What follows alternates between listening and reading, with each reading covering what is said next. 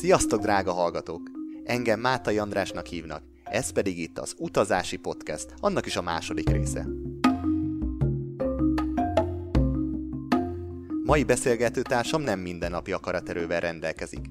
19 éves korában egy baleset következtében kerekesszékbe került. Ez viszont nem fogta vissza őt attól, hogy beutazza a félvilágot. De ne az sem mindegy, hogy melyik felét. Nagy Bendegúz saját bevallása szerint is szereti szivatni magát, amikor olyan könnyűnek egyáltalán nem nevezhető országokba utazik, mint például Szudán, Etiópia vagy Kongó, ahol rendszeresen kémnek nézik, gyakran letartóztatják, néha még vallatják is. De volt olyan is, hogy váltságdíjat kellett fizetnie a saját székéért. Bendegúzt kedvenc kontinensétől ezek a történések viszont egyáltalán nem tudják eltántorítani. Egy nem mindennapi ember, nem mindennapi történetei következnek.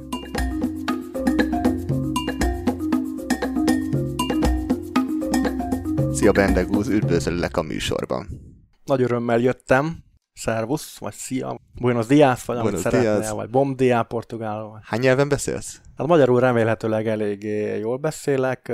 17 évesen négy nyelven beszéltem, mi Erdélyből származunk, és ott a nyelvi oktatást a kommunista Romániában komolyabban vették, mint a mai Magyarországon például. Tehát aki, akinek volt affinitása és kicsit rászánt az idejét, megtanulhatott négy nyelvet annak idején. Tehát én is úgy jöttem Magyarországra, hogy a magyar, román, német, orosszal boldogultam egész jól, és aztán később tanultam még más nyelveket. Hánynál tartasz most? Hát persze kérdés az, hogy Elboldogulás számít. tehát, igen, tehát beszélgetés szintjén sok nyelven, tehát úgy tehát négy után még megtanultam angolul, angol a legjobb idegen nyelvem, uh-huh. azon tudok jól beszélni, tehát tárgyalási szinten, üzleti tárgyalási vagy tudományos szinten is.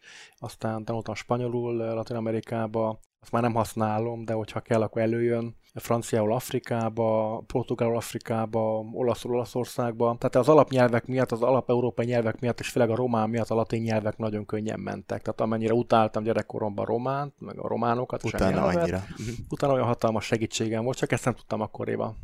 Az, azt gondolom, hogy talán az angolt használod a legkevésbé, mert hogy pont olyan helyekre jársz, ahol az angol már nem használják.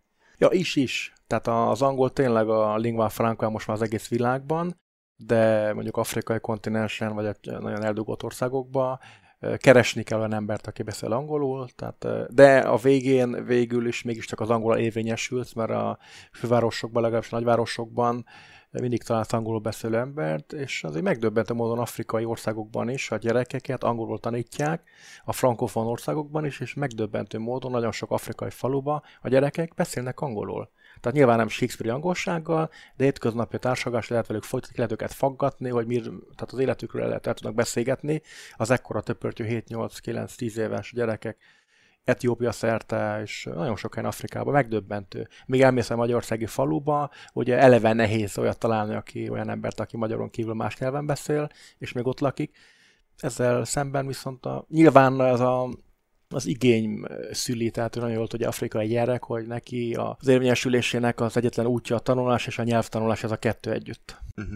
Ha jól tudom, legtöbbször Afrikában, illetve ebben a régióban jártál. Mondhatjuk azt, hogy ez a kedvenc? Ide húz vissza mindig a szíved? Igen, ez a legnehezebb. Tehát én...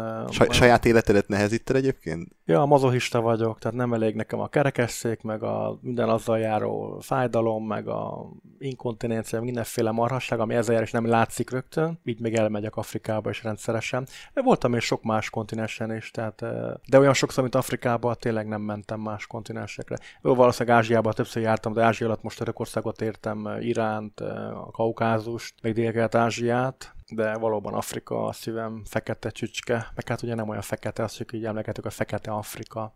De ez fekete Afrika az inkább csak a közepe Afrikának, hát igen, nem? Igen, és alapvetően nagyon kevés az igazán fekete ember, tehát inkább olyan halvány teljes kávétól a nagyon feketék mindenfélék vannak tényleg. Mm. Tehát elképesztő a, az etnográfia sokszínűsége Afrikának, tehát elképzelhetetlen tényleg. A Burkina Faso, ott még nem jártam, de akik sokszor voltak, mondják, hogy minden faluban más nyelvet beszélnek, de egyik kedvenc országom Etiópia, ahol 84 féle nemzet él, tehát külön népek, akik másképp is néznek ki, más színűek, más magasságok, másképp élnek, vagy 200 féle nyelvet beszélnek, és akkor a parlamentben is ott van gyakorlatilag ez a 84 féle nép, neki képviselve van, a, a feketék, a nagyon feketék, a szudáni határ környéki népek, őket a parlamentben azért felvesznek valami lepedőt magukról, hogy meg ne fagyjanak a klíma miatt. Egyébként otthon a, a bozótban, meg a sztyeppén még ők nem hordanak semmit, tehát meg mindig mesztelenül jönnek, mennek. Uh-huh. Ma is 19-be. Tehát vannak még ilyen helyek a világon. Mindjárt rátérünk Afrikára. Hogy, hogy Ausztrália kimaradt?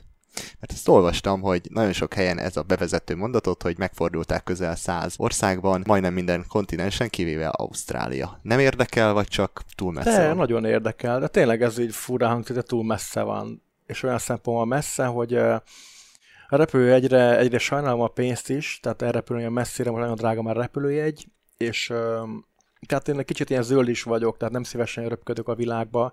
Nagyon sok világutazó fogja magát, és akkor kiel egy útvonalat, repülnek 12-15-ször, különböző helyeken megállnak. Én jobban szeretek szárazföldön utazni, inkább rászánok egy régióra, néhány országra rászánok 3-4 hónapot, és inkább azt derítem föl, és hogyha tetszik, akkor visszamegyek, ha nem tetszik, még inkább visszamegyek, mert akkor uh-huh. fel akarom deríteni, hogy mi a probléma. Egyébként akartam menni Ausztráliába, 12 őszén elindultam világkörüli útra, Dél-Kelet-Ázsiába repültem, ott bejártam négy országot, de aztán a családi problémák miatt a szüleim megbetegedtek, ezért hazajöttem, tehát úgy döntöttem, hogy hazarepülök. Tehát volt már tervem, hogy elmegyek akkor mm. utána egészen le új és onnan hazarepülök, vagy átrepülök majd a csendes óceánon, és a szigetvilágba, és onnan vissza az amerikai partokra, és aztán úgy tovább valahogy, tehát föl Alaszkába, át Oroszországba, és haza ez volt a terv, de a tervekben egyetlen dolog biztos az, hogy sosem úgy alakul, ahogy eltervezted, ez teljesen biztos. Igen. Egyébként ebben hasonlók vagyunk, mert Ausztrália nekem is kimaradt, és valahogy az az ismeretlen nagy sziget ott úgy túl messze van, és valahogy hogy túl nagy falatnak gondolom, hogy én most elmenjek akár pár hónapra is, valahogy oda az ember akkor megy el, ha van több éve, nem? Igen, meg sokan dolgozni mennek el, nagyon drága is Ausztrália. Tehát nekünk magyaroknak biztosan nagyon drága. Én eleve nem nagyon megyek utazni, nem utazok gazdag, drága országokba.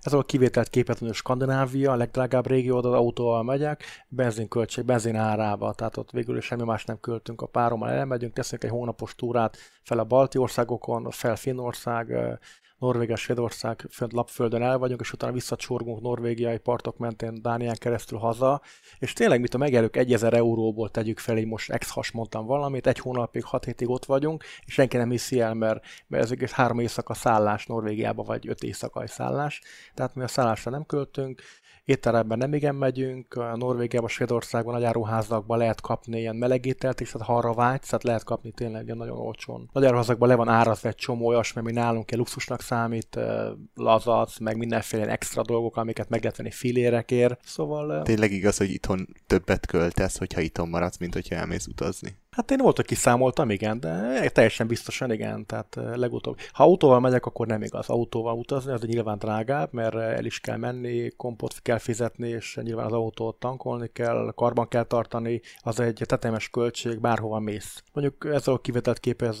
Közép-Ázsia, többször voltam Közép-Ázsiában autóval, tehát de Ukrajnától elkezdem már Ukra- Oroszország, Kazakisztán, Kirgizisztán, Tajikisztán, nagyon olcsó minden, tehát olyan olcsó, és engem kerekesszékes ember pedig rendszeresen segítenek. Szóval, hogy megtankolták az autómat, nem kértek pénzt. Éttermekben rendszeresen nem kérnek tőle, pedig előre közlöm én is látom, hogy kedvesek, de előre egy megelőzöm a problémákat, mondom, hogy fizető vendég vagyok én is, tehát hiába nyomorék vagyok számukra, de fizető vendég, és legyintenek, és aztán nem veszik el a pénzt rendszeresen. Tehát valóban lehet, hogy utazni a világon, világban, hogy az embernek az élete kevesebbe kerül, mint ha Magyarországon létezne. És akkor létezés alatt azt értem, hogy persze itt lakást tart fönn, mindegy, hogy a sajátja vagy albérlet, az albért drágább nyilván. Uh-huh. Vannak olyan barátaim, akik több tíz éve utaznak a világba, köztük egy, egy ausztrál fickó, Andrew Dunbar, aki kb. 40 nyelven beszél, egyik mániája, hogy a legtöbb nyelven elolvassa majd a száz év magán, már ezek a száz év magányán, most olyan 30 párnál, tehát, de egy ilyen fura alak nyilván. Tehát, de ezt elhiszem. Van családja Ausztráliában, felesége, gyereke, néha hazamegy, egy-két hónapra, pár hónapra, egy-két évre is, hogyha éppen úgy nagyon rápedítanak, hogy pedig nem láttunk, és utána, tehát megint utazik, és Hát ő alapvetően megosztja, tehát nem akar semmit, utazni szeret, az emberekkel találkozni, és ezeket így megosztja, de nincs karrierje, még rádiókban sem, egy tévékben se, se podcast, semmi. Tehát egyszerűen utazni szeret, Csak vagy a szeretetért. Meg... És azt akartam mondani, hogy viszont szinte ingyen utazik. Tehát az Andrew gyakorlatilag nem költ semmire. Vizumokra, de hát arra is meghívják. Tehát egy olyan, olyan kisugárzása a fickónak, hogy simán rábeszél a konzult, hogy fizesse ki a konzul az ő vízumját. Aztán a konzul meghívja a házába, és ott vendéges, és adják ki kézből kézbe. Tehát vannak ilyen emberek, akiket kézből kézbe adnak. Nyilván te is láttál már, sőt, biztos voltál már itt te is az életed során. Igen. Mesélsz egy kicsit az utazási módodról, stílusodról? Hát a, attól függ, hogy hova. Tehát nyilván Európában nekem sokkal kényelmesebb, meg Kis-Ázsiába, és meg Közép-Ázsiába is kényelmesebb elmenni autóval. Flexibilis vagyok, sok mindent, sokkal többet meg tudok nézni, és ugye kerekesszéket használok, tehát egy kerekesszékes emberként. Sokkal inkább megéri nekem az az extra költség és kényelmetlenség, hogy elvigyem az autómat, elmegyek az autómmal mondjuk Tajikisztánba, mert ha utána elrepül, mert ha elrepülnék oda, nem tudok, meg tudom nézni a hegyeket így valamilyen távolságból, de ez a terepjáró, ez a Suzuki Jimny elég közel tud menni. Még mindig a Jimmy? Igen, most már még mindig és újra. Hány kilométer van benne? Hát én 40 ezet mentem vele ilyen nagyon durva helyeken, és ezt összetörtem tavaly februárban, de összerakták, összehegeztették. Az a Jimny tényleg egy ilyen faék-szerűségű Ugye? autó, Igen. Uh-huh. de szinte elnyűhetetlen. Tehát legutóbb is négy hónapig voltam Afrikában, Nyugat-Afrikában, de szinte semmi baj nem lett, tehát ilyen pitjáni bajai lettek. Meg ha van valami baja, akkor ki tudják cserélni, igen, mert hogy meg, meg faék egyszerűség. De nem romlik el, tehát a motorváltó és mi, ami nagyon fontos, nem romlik el rajta. Szivalgyújtó romlott el egyszer, a dzsungelbe ott meghegeztettük, megforrasztottuk, összeberheltük. Egyszer a fékcső romlott el az első fékcső, de kiderült, hogy nem gyári fékcső volt, tehát már hetek óta fék nélkül jártam, csak hátsó dobfékkel. Úgy éreztem, hogy nem nagyon fog, de én nem ritkán fékezek, úgyhogy én eleve lassan megyek, gurulni hagyom a kocsit, tehát úgy vezettek, hogy a lehető legtöbbet hagyom a kocsit gurulni, uh-huh. lejtőkör kikapcsolom a motort, ilyen régi, nagyon szocialista módszerrel élve, és alapvetően tényleg szeretek nagyon lassan gurulni. Tehát úgy használom az autót is, fogom úgy használni, mint a bicikli lenne, vagy egy másik kerekesszék, vagy tehát nem, a, nem úgy, mint a bamakósok, vagy a dakarosok, hogy pú, naponta le kell nyomni 1600 kilométert, és akkor semmit nem látok, csak az elsuhanó por felhőt a másik mögött. És akkor gyakorlatilag ilyenkor te autóból nézed a, a látnivalókat? Nem, én uh, attól függ, hogy hol vagyok, hogyha olyan helyen vagyok, mondjuk uh, Ázsiában könnyebb a dolgom, az ázsiai emberek, a közép-ázsiai emberek is kulturáltabbak, uh, jobban tudnak hozzám szólni, tehát segítőkészebbek is, vagy úgy, hogy is mondjam, civilizáltabbak, ha lehet ilyet mondani, nyugatilag civilizáltabbak, tehát ott egyszerűbb nekem is bármit elintézni, de egy eldolgott afrikai faluba, eleve az is egy nagy mutatvány, hogy megérkezzek, és akkor kiszállok, és egy időnek el kell telni, mire megszokják, hogy ott vagyok, de attól kezdve befogadnak, és ott is uh, csak nincs közös nyelv általában, tehát mm. ezek az eldugott falvakba. Nagyon szeretek elmenni a legkisebb falvakba, és ott, ott viszont nincs már közös nyelv, tehát legutóbb Gíneába, tehát tavasszal voltam olyan helyeken Gíneába, ahol hát nyilván láttak a fehér ember, de kerekesszékes még nem láttak. És, és mi, a, mi a reakció? Nagyon elfogadóak, tehát megdöbbentő, mm. hogy tehát itt, itt jobban megbámulnak, például Miskolcon lakom Magyarországon, sokkal inkább megbámulnak, és sokkal több negatív tapasztalatom van. De persze Afrika, Afrika szélsőséges, tehát pont ez, hogy a, az emberek ilyen barátságosak, szeretetteljesek, ennek van az árnyoldala, hogy ugyanígy, ugyanilyen erőszakosak is ugyanabban a pillanatban. Tehát egy másik ember viszont a végtelenségig bunkó erőszakos, esetleg bűnöző váltottságú, szóval nekem is volt rengeteg bajom, mindenféle problémám Afrikában is. Tehát Mesélsz egy-kettőt? Olvastam én egy-két cikkben, hogy azt mondtad, hogy valamikor testi erőt is kellett alkalmaznod Ja, ahhoz, hogy, hogy a saját igazodat, Tényleg. igazadért kiállj. Tehát például megjelent ez a könyvem tavaly decemberben, benne húz a kerekesszékes világjáró, abba is írtam két országról, ahol elég sok atrocitásért, Kongóról és Szudánról, tehát Szudánban konkrétan kémkedéssel vádoltak, lecsuktak, kihallgattak, vallattak, tehát nagyon sok csúnya dolgot éltem át Szudánba, pár nap volt az egész, nem, mert nem felejti el, Nem hitték el a kerekesszéket? nem, azt mondták, az is kamuflágy, és egy ilyen álca, azt Aha. mondták, hogy... És akkor kérdeztem a tisztet, a valaki tisztet, hogy de most gondolj bele, hogyha szeretnék kémkedni európaiként Szudánba, akkor én kerekesszékkel mennék oda. Tehát én mennék kerekesszékkel, vagyok a leg, legfeltűnőbb kerekesszékes fehér, nem is láttak arra felé. És akkor egy röhögött, hogy persze, persze, hát ez ilyen dupla pszichodedó, tehát ezt végig gondoltam, és nyilván azért jöttem kerekesszékkel, hogy fel sem merüljön senkiben, hogy én kém vagyok. Bármit mondtam, mindig mélyebb rástam magamat. Persze mindig a fényképezéssel van a baj, tehát nem azért fogtak el, mert fehér vagyok és kerekesszékes, hanem mert fényképeztem, és szerintük olyasmit, amit nem szabad, de a paranoid rendszerekben alapvetően semmit nem szabad lefényképezni. Uh-huh. Tehát úgy működik, képzeljétek el, mint hogyha mondjuk elmennél a Szovjetunióba ide utazásra, vagy elmentél volna, és akkor azt mondod, hogy na, megérkeztem, merre vannak a gullágok? Szeretnék a gullágokon egy pár fényképet előni, vagy a náci Németországba el akartál volna menni a táborokba. Tehát én azért nem voltam elég óvatos hozzáteszem, most már sokkal óvatosabb vagyok, meg most már áttértem arra a taktikára, hogy hát nem, konf- nem konfrontálódok, a egyetlen mód van rá, egyszerűen nem. Tehát uh-huh benyomom a, a hülye vogyort, és akkor hagyom őket, ha dühöngenek a rendőrök és a katonák, és ez szokott működni most már. Sokkal inkább működik, hogy bármi más. Uh-huh. Bármilyen magyarázkodás. Benyomom nekik, hogy no money, hogy elmondom, hogy nem beszélek semmi nyelvet, egyáltalán nincs pénzem, csak bankkártyám. Bankkártyám, mutatom bankkártyám, itt van, tessék, hogyha pénzt akar, itt a kártyám. Tehát a Green Jingle-ben mit csinál a kártyám, itt a kártyám, nekem semmim nincs. És aztán vannak meg ilyen piszkos trükkjeim, persze, ez Kazakisztánba jöttem rá, hogy a, főleg a muzulmán országokban főleg a hatóság emberek nagyon tiszták, tehát van egy ilyen, ilyen, ilyen furcsa, már ilyen mániákos tisztaság elképzelésük, tehát azt mondom neki, hogy itt van, fogja meg ezt, a, fogja meg a kacsámat, tehát hogy gyereke nagyon kell pisilni, tehát van egy ilyen trükk, amikor már semmi nem működik, meg akarnak büntetni, akkor előveszem a kacsát, mondom, hogy fogja meg, segítsen, tolom le a gatyámat, és akkor nekem marhára kell pisilni. És ettől nincs olyan rendőr, aki ne elszaladnak ki a világból. És ezt még lehet fokozni, tehát akkor a többit rátok bizony elképzeljétek, hogy amikor ez sem működik, akkor előveszem a camping WC-t, kirakom az autó mellé, és akkor megmondom neki, hogy ne haragudj, de nekem olyan hasmenésem van, úgyhogy először intézem, és utána aztán beszéljünk minden másról. És akkor ezek az embereket soha többet nem látom. Hirtelen megoldódik minden, és hirtelen Ja, nincs probléma. Tehát bőnnek a kocsijukba, vagy gyalog, vagy biciklivel, robogóra, és elmennek de van, ahol erre nem vevők, tehát... Neked egy hatalmas nagy objektíved van, ahogy láttam, tehát hogy még nem is az, hogy egy kis fotóapparátussal, tehát titokban lősz fotókat, hanem elég nagy profi Igen, géppel. van egy teleobjektívem is, igen, tehát van egy profi gépem, egy profi op- 7200-as Nikon fém optika, tehát jó nagy is, meg jó nehéz, hát a minőséget nem lehet mással, tehát. Soha nem volt az, hogy mondjuk el akarták venni, össze akarták törni, letörölték nem, a fotókat. Nem, érdekes módon. Ja, a magánembereknél volt olyan, igen, hogy ilyen feldühöttek és hogy rángatták a gépet, de nem adom oda, tehát a magánemberekkel nagyon gyorsan meg tudok birkózni, ha nem adom oda, vagy rácsapok a kezére.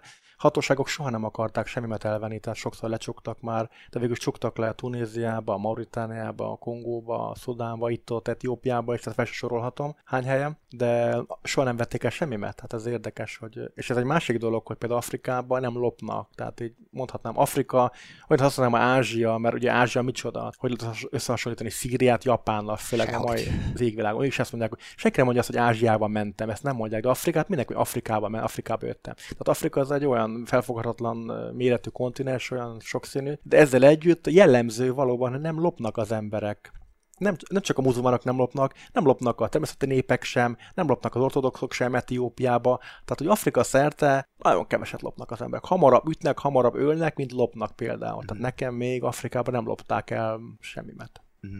És az, hogy mondjuk lecsuktak, ez hogy történik? Szerinted te provokáltad ki ezeket, vagy csak a rendszer olyan, hogy nem tűrik el, hogy te ekkora fényképezőgéppel járj körbe ott? Hát fényképezni nem lesz úgy, hogy nem mész oda. Tehát Igen. A... De hogy később mondjuk megbántad, és azt mondtad, hogy jó, mondjuk túlmentem egy határon, és nem kellett volna. Nem, direktben nem fényképezek olyasmiket, amiket az én belátásom, az én megítélésem szerint veszélyesen, tehát nem fényképezek le támaszpontokat, nem fényképezek telibe katonákat, konvojokat, mit titkos dolgokat, nem, mert azt tudom, ezt nem szabad. Itthon se szabad, ott se szabad de a paranoid diktatórikus rendszerekben Afrikában ilyen legalább 10 van a kontinensen, az 56 országból, 51 országból 10 van, ahol ha egy fényképet elősz, akkor rögtön bajba kerülsz, ha észreveszik. Nagyon sok ilyen tudatos civil van, és mostanában sajnos, mivel tehát tizenéve figyelem, hogy, hogy elterjedt az okos telefon használat az internettel, YouTube-bal, minden egyebbel. Tehát most már látják, hogy mi megy a világban, látják, hogy a világ egy nagy részén, a fejlett világ egy nagy részén nem látják szívesen a színesbőrű embereket, és ez megszülte az ellenrasszizmus, tehát Afrikában most már sajnos én is tapasztalom a bőrömön, legutóbb is Szenegálban, más helyeken is, hogy csak azért, mert fehér vagyok, megkapom magamét. Tehát oda jönnek gyerekek, szemek köpnek, hogy te mocskos fehér rohadt nyomorék, vagy gazdag rohadt fehér nyomorék. Tehát így köpnek, és már is dobják a követ is. Ekkora gyerekek, Szenegálban rendszeresen. Tényleg. Igen, igen. Tehát ezt életem először láttam most ö, Szenegálba, és aztán megjelent még ennek a ilyen radikális formája, tehát ezek az iszlám iskolák, az ékol iszlámik, amik ilyen, hát nem tudom micsoda, ilyen agymosódák a gyerekeket, ilyen kántálással tanítják a szegény gyerekeket. Erről szoktak itthon is cikkezni, jelent meg a HVGV Indexen is nemrég erről cikk a iszlám iskolákról. Ezek nem iskolák, hanem a, nyilván a befolyásolható szegény gyerekeket begyűjtik, És agymossák valakik, őket. igen, és akkor őket felhasználják általában koldulásra, meg labra, rablásra, tehát azt, hogy nem lopnak, ez általában vidékre igaz, az olyan a fővárosok. Afrikai fővárosok szörnyűek, tehát érdekes, hogy tehát hogyha rosszul akarsz lenni, menj el egy fővárosba, Af- Afrikába, Kairóba, mindegy. Konakriba, Géniába, mindegy, menj el Dakarba, zokogni fogsz. Tehát hihetetlen, hogy milyen szerencsétlen a főváros, szerencsétlenek, és akkor, hogyha belegondolsz, hogy te ott turista vagy, te bármikor elmehetsz, utána rájöhetsz arra, hogy valójában nekik a legrosszabb. Legutóbb is, amikor Afrikában voltam, Nyugat-Afrikában, arra gondoltam egy csomószor, hogy nekem milyen jó. Tehát, hogy bármikor elmehetek innen, van útlevelem, ha el, úgy dön- eldöntöm magam, akkor meghozom a döntést, akkor megyek haza, vagy megyek hát egy másik kontinensre. De ők, az 1,3 milliárd ember sehová sem mehet. Uh-huh. Tehát az afrikai emberek közül például 100-ból 99 úgy születik és hal meg, hogy iskolát és kórházat életében nem lát, se orvos, se semmiféle fejköppenyes embert, meg iskolai milliót nem lát életébe. Mhm. Tehát egy döbbenetes tényleg az életük, tehát olyan, olyan nyomorúságos az életük. Gyorsan változik persze Afrika, de a változással együtt katasztrofális, és akkor arra gondoltam, hogy, hogy elmenekült egy-két millió ember Afrikába, hát csoda, hogy ott maradt még valaki. Tehát az, az egy, egy, néhány millió fő, 1,3 milliárdhoz képest szinte semmi, és a lakosság olyan gyorsan növekszik, tehát hallottál biztos hogy most is satszolgatják, hogy 20-25 éven belül fog megduplázódni a lakossága.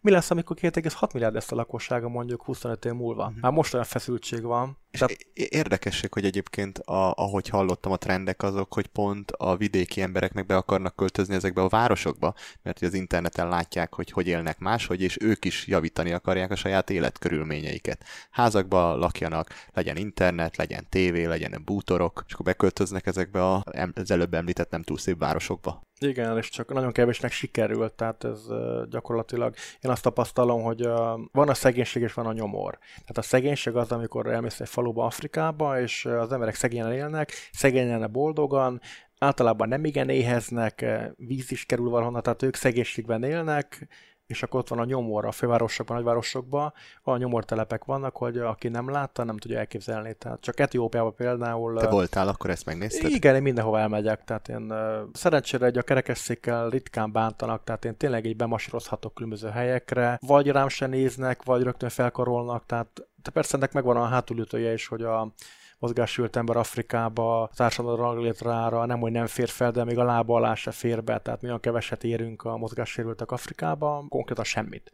De egy fehér mozgássérült, akinek fényképezőgépe is van, meg egy kis pénze is van, nyilván van, oda ment, ő más megítélés alá esik egyesek szemében. Tehát ez egy fura dolog ezt így látni. Szóval igen, ott is van urbanizáció, tehát most én úgy látom, hogy Afrikában egy ilyen második merkantil gyarmatosítás folyik, tehát jelen van Kína, jelen van India, nagyon ki akarják paterolni. A jó rendszerek, tehát a jó országok, mint a nyugat-afrikai országok nagy többsége azért jó kormányjal van megáldva, ők már régóta ki akarják paterolni Kínát és Indiát, mert Kína még India egyszerűen kizsigereli. Tehát egyszerűen mindent kizsigerel. De ugye elég nehéz, hogy ők építették mondjuk a vasútvonalakat, meg az Igen. infrastruktúrát. Igen, ezen akarnak változtatni. Tehát most már inkább az EU-t, az USA-t, tehát bármilyen barom is ugye a Trump, meg az egész külpolitikai rendszerük, de az USA mégis csak egy demokrácia, ők ha leírnak valamit, szerződnek valamire, legalábbis a civil életben azt leginkább ezt szeretik tartani, tehát az, az, az egy működő rendszer, míg a, ugye Kína bármit ígér és bármit mond, az nem úgy van. Erre mondok egy példát most tavasszal, Mauritániába. Mauritániában nagyon sokszor jártam, az egyik legszörnyűbb ország az egész világon, rabszolgasság van még mindig. Tehát Mauritániába gyakorlatilag odamész és vehetsz embereket, rabszolgákat. Nem úgy néznek ki, mint a Tamás Bátya kunyhójába, úgy néz ki, mint te vagy én, csak nincs útlevel, nincs papírja, és azon kívül azt valamit akarsz nem tud megszökni, mert a határ nem tud átmenni, tehát ha lefele megy délnek lelövik, az északi határ egy ilyen nagy sivatag, ott is gyakorlatilag lelövik, alá is van lakrázva, tehát a, a Mauritániában a lakosság egy része a feketék ráadásul, tehát a mórok, a mauritániai mórok a feketéket rabszolgaként tartják. és ez embereket vehetsz. És megjelentek a kínaiak, most beszélgettem egy uh, Noah Dibu, az egy ilyen igazi, tehát a, ha mondjuk a pokolnak van ilyen köldöke a földön, több is, akkor egyik az Noah Dibu Mauritániába, igaz, ilyen pokol köldöke-szerűség. Ott beszélgettem egy nagy uh, halfeldolgozó cég biztonsági főnökével, egy mauritániai morfickóval, aki régen szerette a kínaiakat, de most még ő is belátta, hogy az ő rokosságából is többen rabszolgaként dolgoznak az üzemben, tehát gyakorlatilag a kínai nagy cégek megveszik a rabszolgákat, nincs már rabszolgapiac, online megy. Tehát van a fekete web, és vannak mauritániai appok, tehát gyakorlatilag ma már online vehetsz embereket Mauritániába is. Sok szempontból az internet áldás, hogy ugyanakkor hatalmas átok a világ, gondolj bele az összes mocsokra, ami ugye a Dark Web-en folyik. Szóval ez az ember elmesélte nekem, hogy itt van ez a hatalmas halfeldolgozó, nézzem meg, egyrészt lehalásszák, leszerződtek, odavisznek, azt mondták két halászhajót, és én megszámoltam, 19 volt felsorakozva, azt mondta a másik 100 kint van a vizen. Tehát egyszer lehalásszák az óceánt. A lehalásszák azt jelenti, hogy nullára lehalásszák, és rabszolgákkal dolgoztatják fel, akik nem keresnek semmit, hogyha meghalnak, senkit nem érdekel. Tényleg és, a második gyarmatosítás. Igen, és gondolj bele, hogy egy ilyen cég milyen profitot termel. Ja, persze úgy lehetséges, hogy a kormány támogatja őket, a mauritániai kormány, nevező kormánynak, egy katonai hunta több tíz éve, tehát ilyen néhány seggfej vezeti az országot, mm. igazából bűnözők, ők elteszik a felét, a nem tudom, arányban lényeg az, hogy a kínaiakkal lepaktáltak, és sokszor hallottam sok más országban is, hogy a Kína hajlamol, egyszerűen hajlandó arra. A kínai üzletembereket a pénzen kívül semmi más nem érdekli. Tehát ők, de majd, itt is így van egyébként, tehát a, most nem ismerem a kínai kultúrát, de azt tudom, hogy ide jönnek egy bőröndel, és pár éven belül pedig beköltöznek a belvárosba, és új mercivel járnak. Szóval elképesztő üzletemberek a kínaiak, és ilyen piramis játékszerűen épül fel az életük, hozzák, aki ide eljött, utána hívja, hozza maga utána a következő kínai családját, a barátait, és akkor szépen így építkeznek. Uh-huh. Afrikában is így megy, az csak ott aztán, mivel nagyon sok helyen nincs számonkérés, törvény, nálunk van törvény legalább itt Magyarországon, ott nincs legtöbb helyen, úgyhogy azt tesznek, amit akarnak. 100 dollár a törvény. És te ezeket a történeteket honnan hallod? A, a helyiek ö, megbíznak benned annyira, hogy elmesélik, vagy te külön keresed ezeket a történéseket? Mindig első kézből, tehát ez elég nyilvánvaló. Tehát kimentem oda egy ilyen holdbeli táj, ez a halfeldolgozó Mauritániába, és leparkoltam. Ez a biztonsági főnök nekem támadt, hogy hogy nem lehet parkolni, és akkor körülnéztem, hogy hogy ért, hogy itt, hogy itt a Szaharában nem lehet parkolni, vagy mi az, hogy tehát ki ez a hely, ez, a, ez a, a Szahara, egy ilyen hajó roncs kikötő volt és akkor egy idő után elkezdünk beszélgetni másról is, és uh, szívesen beszélgetnek uh, külföldiekkel, mert olyan ritkán találkoznak meg, ritkán. A külföldi turisták is tudod, te is láttad, hogy uh, sokszor félnek a helybéliektől, tehát kevesen elegyednek szóba mindenkivel, meg eleve sokan úgy mennek olyan hely, ilyen helyekre, nem is mennek Mauritániába, a turisták ritkán mennek. Van a Bamako rally, a Bamakosok átmennek Mauritánián, 160 a végdöngetnek az aszfalton, esetleg elmennek egy beduin sátorba, ott megkínálják őket teával, ezt látják az országból. Nem mindenki, azért van, aki rendszeresen uh-huh. visszajár, de tehát Mauritániába se nagyon mennek turisták, és az emberek ki vannak éhez, a helybeli emberek szívesen mesélnek bármiről, ha van közös nyelv. Uh-huh. Tehát én Mauritániában rengeteget voltam, meg, meg is akartam ott nősülni, Tényleg? ajánlottak nekem, igen, egy ENSZ misszióba te, te, te is meg akartál nősülni, vagy inkább hát, csak ajánlották? Én akartam, ajánl, ajánlottak nekem egy feleséget, de aztán a, egy nagyon, tehát egy 26 éves öreg lány volt, tehát érthető, miről van szó, tehát a Mauritánia délketi csücskébe, Némába, egy, volt egy 26 éves értelmiségi nő, aki tényleg csinos is volt, szép is volt, okos is volt, és ilyen érdekesen kékes, szürkés, feketés bőrszínes, egészen különleges látvány volt, ez nagyon régi történet, rég volt, tizen pár éve, és hát egy eh, belga misszióba önkénteskedtem egy ideig, és össze akartak bennünket hozni, és akkor találkoztunk, a családok megbeszélték, tehát úgy értem az én belga misszió, meg az ő családja. Tehát akkor leszervezték a randit. Leszervezték az első nagy találkozót, ilyen nagy családba, persze tíz ember, és akkor eh, a tolmácsunk fordított, mert ő nem beszélt még idegen nyelven, és mondtam neki, hogy eh, tehát én nem akarok embert venni, de hogyha van kedve, szívesen elveszem feleségül, mert másképp nem engedik ki Mauritániából, és elhozom Magyarországra, vagy eljön vele Magyarországra, ha akar, körülnézhet, lehet, és ha tetszik, akkor jó, ha nem, akkor mit el is válhatunk nekem mindegy idő után. És akkor a nőnek az első kérdés az volt, hogy gazdag vagyok-e. és akkor a belga orvosnak, aki kint voltam, úgy értem, akinek műszerben dolgoztam, legyintett, hogy na, menjünk, ez nem a te embered. Tehát legelső kérdés az volt, hogy én gazdag vagyok-e. Tehát hozzáig képes, persze, hát hozzáig képes bármelyik európai, bármelyik magyar, bármelyik albán ember gazdag, és mégis tehát a, hát a muzulmán világban a szegény férfiaknak nagyon sanyaros sorsa van. Mm-hmm azt elhiszem. Még a gyakorlati, logisztikai része érdekelne ennek a dolognak. Ha jól tudom, legelső alkalommal te nem autóval, hanem gyalogosan mentél, és ott nagyon gyorsan rájöttél Afrikában, hogy itt leginkább autóval lehet menni, és azt olvastam valahol, hogy amikor megálltál az aszfaltnak vége volt, betemette a homok, akkor azt mondtad, hogy jövök haza, és hozok egy kocsit. És le is csuktak némába, tehát, Lecsuktak. tehát ott, ahol aszfalt véget ért, kiraktak ebből a taxibuszból, a 9 szemes Land kiraktak oda a tér középére, csak hogy hogy nékszik lecsukás, hogy elmesélem. Tehát jöttek katona, két az útlevelemet el akarta vinni, útlevelet nem adunk oda, tudod, tehát így Ki nem adott ki a kezedből. Én, Igen. nem, jó erősen fogtam, hogy ne tudja elvenni, meg ne tépjük el, és akkor hát ő erre megbilincselt, így elől, először hátul bilincselt, aztán elől, és akkor mondta, menjek vele, és akkor már, de is röhögött már rajta, hogy egész homok volt, meg sem bírtam moccanni, egyébként sem. Tehát a kerekesszéknek a homok, a sár, meg az ilyesmi nagy ellensége, bármennyire is szeretem. És akkor ott voltam megbilincselve, akkor elengedte egyik kezemet, hogy akkor legalább mondom, így se jó, értsem meg, hogy nem tudok megmozdulni. Hát jó nagy darab katona volt, és akkor az volt a megoldás, elrakta a bilincset, ölembe adta a gépisztot, én fogtam a gépisztolyát, így keresztbe, de mondta, hogy ne, csak így tartsam még, és akkor tolta a homokba a kapitányságig. 10 perceként megállt, és sokat rögtünk, mert hogy neki végül is be kellett vinnie, mert lecsukott, és akkor kihallgattak, hát nem bántottak, csak kikérdeztek, ki vagyok, elengedtek persze. Tehát ilyenek, ilyen, ilyen ostoba dolgok vannak. Ez ilyen Monty Python filmbe illő jelenet. Hát képzeld el, igen, hogy ahogy engem itt tolott a homokba, a tevesszar és a homokba, tehát ez nem tiszta homok, tehát ez ilyen, hát olyan, mint a belvárosi szutyok, csak ott a szutyok az homok és szemét meg teveszal keveréke többnyire, egész fújja a szél, ilyen hatalmas tér, ilyen kis kuckók vannak, kuckókat az út közepére építik, néha nincs rendezési terv, és akkor ez a fickó engem tolta. Aztán becsuktak, tehát úgy értem, becsuktak a kapitánságra, a szobának egyik oldalon fala se volt, tehát ilyen réteget lemezből volt valaha, egy barak volt, és akkor a rés volt rajta, hogy nem én, hanem két ember kimászott volna nyugodtan. tehát nem, nem volt hova elmennem, tehát, tehát ilyenkor nem érdemes elszökni, mert hol megyek. Az első utam, és akkor fordultam vissza a Mauritániából, akkor egy évvel, fél évvel később 2008-ban vettem egy terepjárót, és akkor azzal mentem vissza. Tehát így... És rend... teljesen autóval végig le? Igen, igen, most is. Spanyolországon keresztül Gibraltár? Akkor még lementem Gibraltárig, most már átszoktam, most inkább Genovából, vagy Szávonából, vagy Rómából, Civitavecchiából kompa megyek Tánzserbe, ilyen 48 órás, 56 órás kompút, sokkal olcsóbb is, mint hogyha lemenne az ember. Már sokszor voltam Franciaországban, tehát azon a környéken rengeteget jártam, úgyhogy hát nem mondom, hogy unom, de hogyha célral megyek Afrikába, akkor nem megyetek végig egész mediterrán zónán, tehát lemegyek kompal Marokkóba, most az következik októberben, hogy legközelebb 12-én kihajózok a Szávonából, tehát Genova mellől, akkor két nappal később megérkezzem Tázsermetbe, E Marokkóba, tehát Marokkó, biztos jártál Marokkóba. Nem jártam. Nem jártál meg, hát mindenképpen. Kim, kimara, igen. Tehát Marokkó elképesztő tényleg. Tehát a leges-leges ország Afrikában, szerintem a legelképesztőbb, minden megvan, amit turista kívánhat. Tehát a mesés kelet, a, az a fajta mesés kelet a mesékben olvasol, meg a könyvekben, az már csak Marokkóban létezik.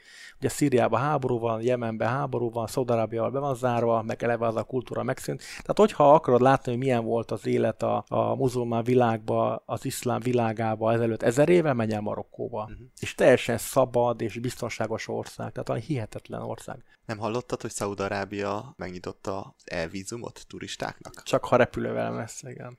És vannak megkötések ott is, de, de ez hatalmas lépés, igen.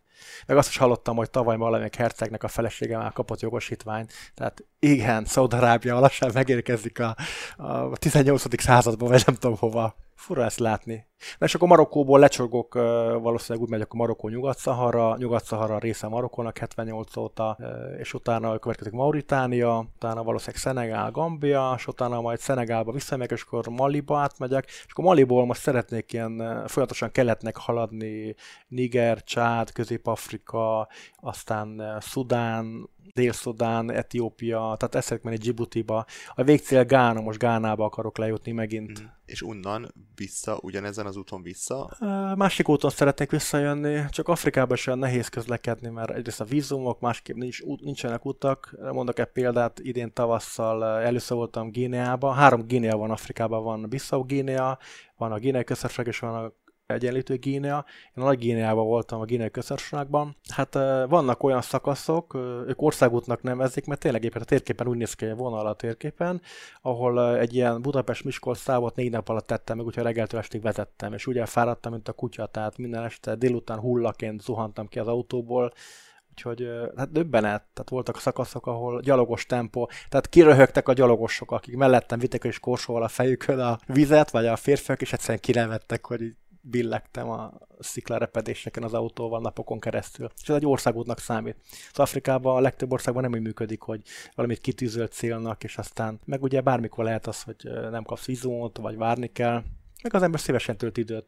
Tehát engem leginkább a kevésbé fejlett régiók érdekelnek, ezért is nem megyek Ausztráliába például, mert az, az USA-ba jártam, többször is, tehát hogy nyilván nem olyan, mint az USA, nyilván más, de fejlett nyugati világnak egy nagyon gazdag országa, ami nyilván nagyon szép de sokkal inkább érdekel például akkor ma Új-Zéland, vagy, vagy előtt, ami van a Indonézia, meg az, az a szigeten, Kelet-Timor, tehát az sokkal inkább vonz. Vagy akár Ukrajna. Tehát nagyon kevés ember, magyar ember megy el Ukrajnába kirándul. Ukrajna elképesztő ország. Persze el kell felejteni, amikor az ember megy Ukrajnába, akkor dobja el a magyar életét, tehát hogy most nem magyar vagyok, és nem Magyarországon, hanem Ukrajnába vagyok, minden másképp működik. De akkor, akkor viszont elképesztő kalandokba lehet része, veszélytelen. Mármint Igen. persze nem a... Igen. A...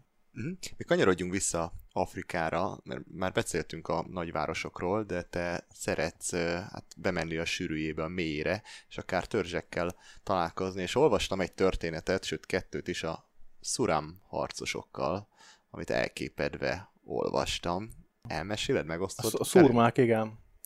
Tehát a Etiópiában voltam 13 tavaszán, elmentem három hónapra a hátizsákkal, és szeretek, tehát a stoppal meg ilyen, hát még Etiópiában nehéz stoppolni. Ma stoppolni könnyű, csak nem visznek el. Tehát utcére kiállsz, kirakod az ujjadat, és akkor rengetegen megállnak, megkérdezik, hogy mit szeretnél, éhes vagy, a szomjas vagy, mit, mire vágysz, mondom, hát beülnék a kocsitba, és vigyél el, és hogy elképedve néznek, hogy hát ilyen nincs, fizessek. De persze fizetek, és akkor elvisznek egy valamennyit. És a szudáni határkönnyeken eltévedtem, tehát én egy olyan, hát olyan három hétre eltévedtem, a szudáni határ környékre tévedtem, az Omo folyónak a túloldalára. Az Omo folyó az olyan, mint a Tisza körülbelül egy ilyen hatalmas nagy folyó, híd nincs rajta, egy-két komp, és uh, utolsó városkába, Tumba megérkeztem, és onnan ott hallottam, hogy ott a szudáni határ környékén laknak ezek a feketék, a szurmák, a vadszurmák, mert Omo folyónak a keleti oldalán laknak a, a szelit fekete népek, akiket látogatják a turisták, és a másik oldalon, tehát a folyó és a szutáni határ környékén, egy ilyen óriási nagy bozott meg dzsungel, ott rengeteg elefánt is van, tehát élőbe, ott meg óriási csordák dagonyáznak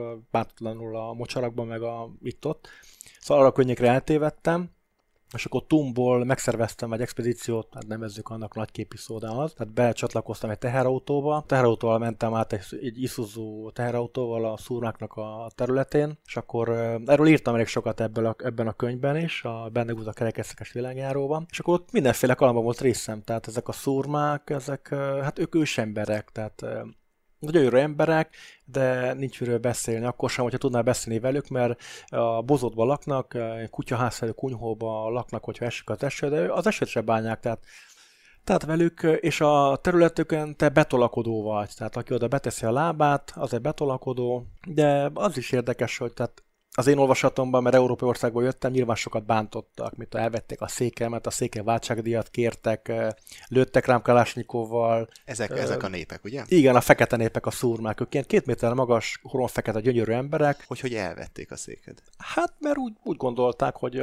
kérnek váltságdíjat a székért, tehát hát fifikásak nyilván, tehát ők még a, a szurmák és a murszik harcolnak egymással, tehát néha a kormánynak be kell avatkozni. Van, hogy sajnos ez a terület, a Magyarország egyharmada a mérete körülbelül, egy hatalmas egy zöld bozót, nem dzsungel, csak bozót, ilyen dimbes dombos bozót, zöld, nagyon zöld. Néha a kormány emberei berepülnek egy apacs vagy MiG helikopterrel, leszállnak, megölik a hangadókat, tehát bejönnek egy fekete komandósok, és egy pár hétig, hónapig csend van, aztán megint kitemelődik az új vezetőség a törzseknél. Szóval ezek ilyen, ilyen területek. Tehát mondok egy példát, a, a rendőrfőkapitány is megérkeztem a főfaluba Bisk, Kibisbe, és a rendőrfőkapitány is szurma, és a szurmák drogosak, tehát, tehát nem, olyan, nem úgy drogosak, mint ahogy mi használjuk a szó, ezt a szót, hanem ők egész életben drogosak. Tehát ők csak olyasmit fogyasztanak, olyasmiket esznek, isznak, amitől be vannak állva. Tehát a szurma, főleg a felnőtteknek a szeme, mintha nem is lenne ilyen nagy vérvörös katyvasz, alig van iriszük, alig van pupillájuk, tehát ilyen nagyon fura a szemük, mint a kutyáknak olyan szemük van, az állatoknak olyan szemük van, de nem állatiasak, hanem a szemük olyan, és a rendőrfőnök is ugyanilyen volt, tehát megérkeztek, ők valamilyen hülye ilyen turisztikai díjat kértek tőlem, mert a felháborodok, nem akarok fizetni, Hát én, én alapvetően a filozófiám az, hogy nem fizetek. Tehát bármi hülyességet kérnek a kötelezőn kívül, vízumon kívül, én nem fizetek. És ezért képes vagyok harcolni napokon keresztül 5 dollárért is. Tehát eh, nekem ez is egy ilyen óriási küzdelem. Azt mondják, hogy hát akkor egy digit maradsz, és akkor ott Így van, hogy elérjem azt, hogy nekem kifizetnem 5 vagy 2 dollárt. 2 dollárt akartak. 2 dollárért napokon át küzdöttünk, elvették a székemet, beraktak a mangófallá, a vörös agyagba, őrizték a székemet, gépisztolyos katona őrizte a székemet, aztán mondtam neki, hogy kicsit beszélt angolul, hogy üljön bele, be bele nem, üljön csak bele, oké, beleült. Próbálja hajtani egy kicsit. Nem lehet, hogy, hát nem lehet, mert bele most a sárba, persze nem lehet. Aha, és akkor tehát elértem nálam, hogy visszaülhessek a székembe végre, mert belátta, hogy nem tudok elmenni sehová, főleg, hogy őrze, őrizett engem a megjött a főnök, igen. Vagy hát tehát ezek, a, tehát ezek a fekete népek, tehát vannak olyan fajta természeti népek még, akik nem akarnak azt nem akarnak felfejlődni a mi szintünkre, a szurmák ilyenek, nagyon kevesen, pár ezer emberről beszélünk, igazi ősemberek, gyűjtögetők, olyan szempont modernek, hogy van Kalashnikovjuk, rengeteg alkoholt, pálinkát isznek, ezt tőlünk kapták sajnos mind a kettőt, és ezzel együtt minden rosszat, ami, tehát mind az amerikai kontinens gyarmatosítása ezelőtt 500 évvel, az zajlik most Etiópiában ezeken a területeken. És hozzájuk eltévedtem, el, oda tévedtem, és akkor ez a kerekeszik túlszólejtése például szó szerint így működik, hogy kértek tudom én, száz bőrt, az nem túl sok pénzt, és akkor nem akartam fizetni, dühös voltam. Mikor egyre dühösebb lettem, egyre jobban emeltek a díjat, végül majd tíz új mutattak, hogy akkor legyen ezer bőr. Az ilyen talán 12 ezer forintot ezer bőr, mondta, annyi pénz nincs a világon, és röhögtek, és akkor hogy tartotta a kerekesszékmet a szakadék fölött, hogyha nem, akkor ledobja. De elvehették volna mindenemet, érted? Tehát egy, egy újabb belőlök a szakadékba, mit tudom én, félkézzel kitör a nyakamat, de nem, tehát ők ezzel így elszórakoztak, vagy megharcoltak ők is, hogy rabul ejtettek, túlszul ejtettek, nekem fizetik el. Fizettem, akkor mehettem, hova akartam. Mm. Tehát nagyon érdekes. És, a, és hogy rád lőttek? Hát csak meg akartak ijeszteni, ja, nem akartam fizetni, és akkor lőttek a Kalásnikóval. Nyilván nem akart megölni, mert ilyen 10 méterről lőtt. Nagyon-nagyon megijedtem, mert ugye nem szoktak rám lőni, és se ott sem máshol. Ők röhögtek, én halára váltam, ültem, gondolom a földön, mert a székemet elvették. Hát... Saját bevallásod szerint ez volt a legneccesebb? Nem, a szudáni történet, mert itt azért éreztem, hogy ezek az emberek engem nem akarnak bántani. Tehát én egy kóbor kutya voltam a területökön, leszették a sápot, megvámoltak, és mehettem tovább. Nem szabad fényképezni ott például, a fényképezés mindig fizetni kell.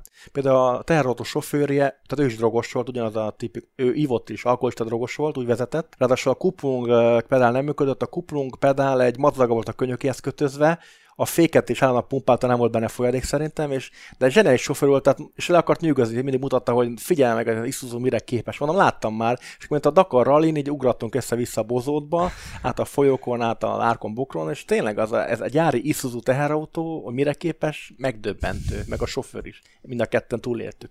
De és ő mondta például, hogy csak akkor fényképezhetek, hogyha ő megengedi. Mindig le kellett takarni a kamerát, ezt a nagy kamerát a bölcsekimmel, ja, meg kellett állni, át kellene a folyókon, a folyó átkelesesztő borra, medet kell építeni. Tehát a teherautón én ültem a fülkébe, én voltam a fizető vendég, és mindenki más fent volt a platón, ahogy szokás, az áró tetején.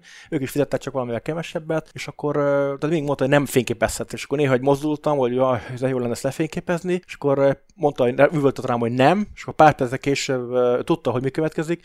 Jött egy felborult egy Isuzu teherautó, kiégve, telejugatva, Kalashnikov nyomokkal. Mondta, látod, francia turista, két évvel ezelőtt tessék, tehát hogyha fényképezni akarsz, megölsz bennünket mindenkit.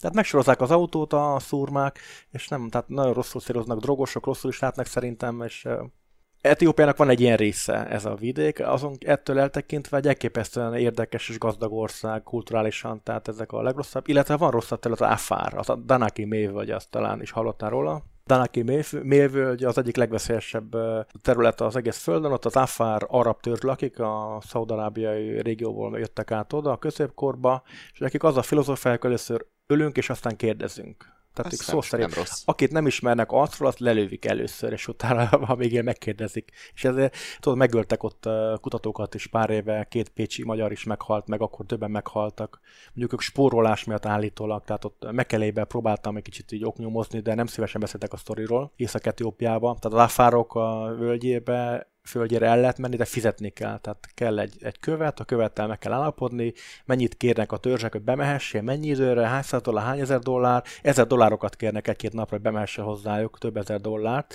hogy megészhess a, ezeket a földi, tehát ilyen visszintes krátereket, meg ezeket a lángoló poklokat. Tehát tényleg nagyon érdekes, meg 56 fok van ott, tehát aki, csak aki bírja.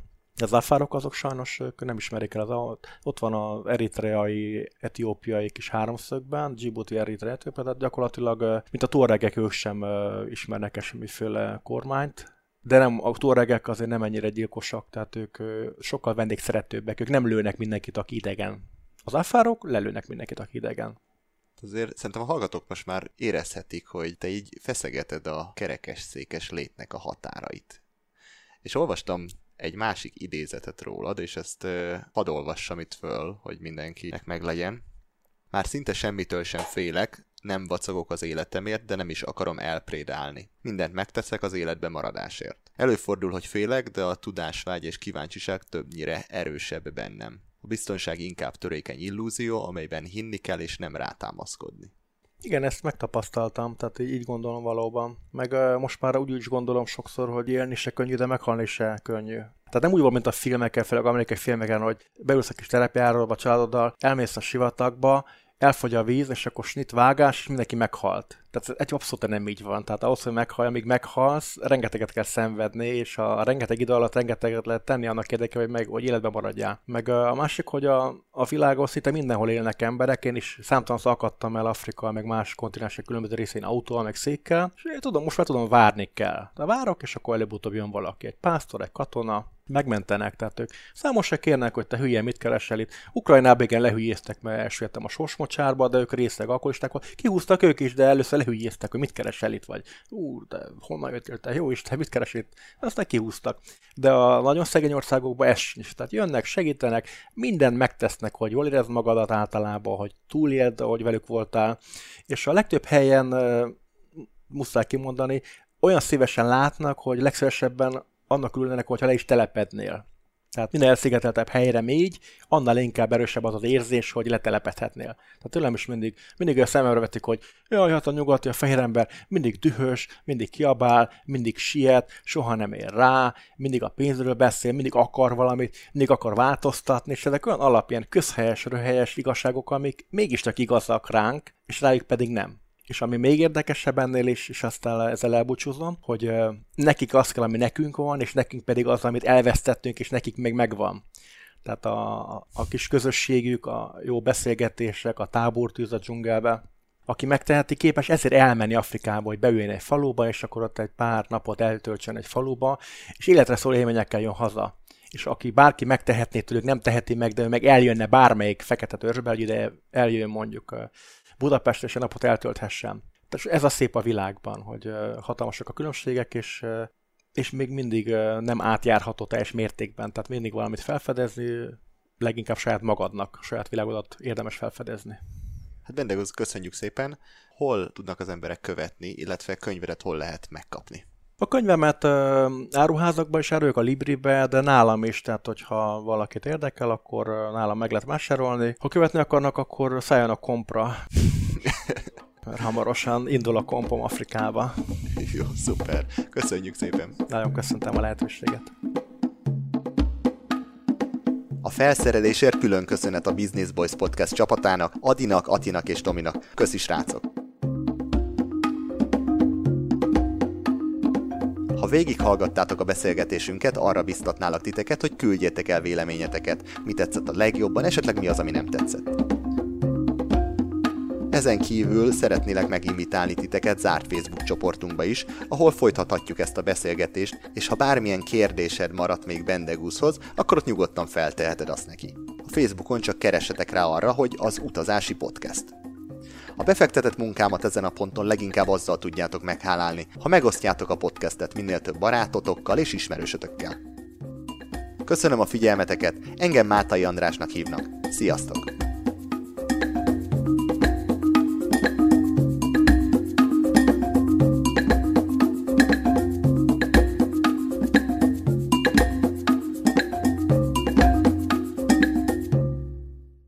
Ez a műsor a Béton közösség tagja.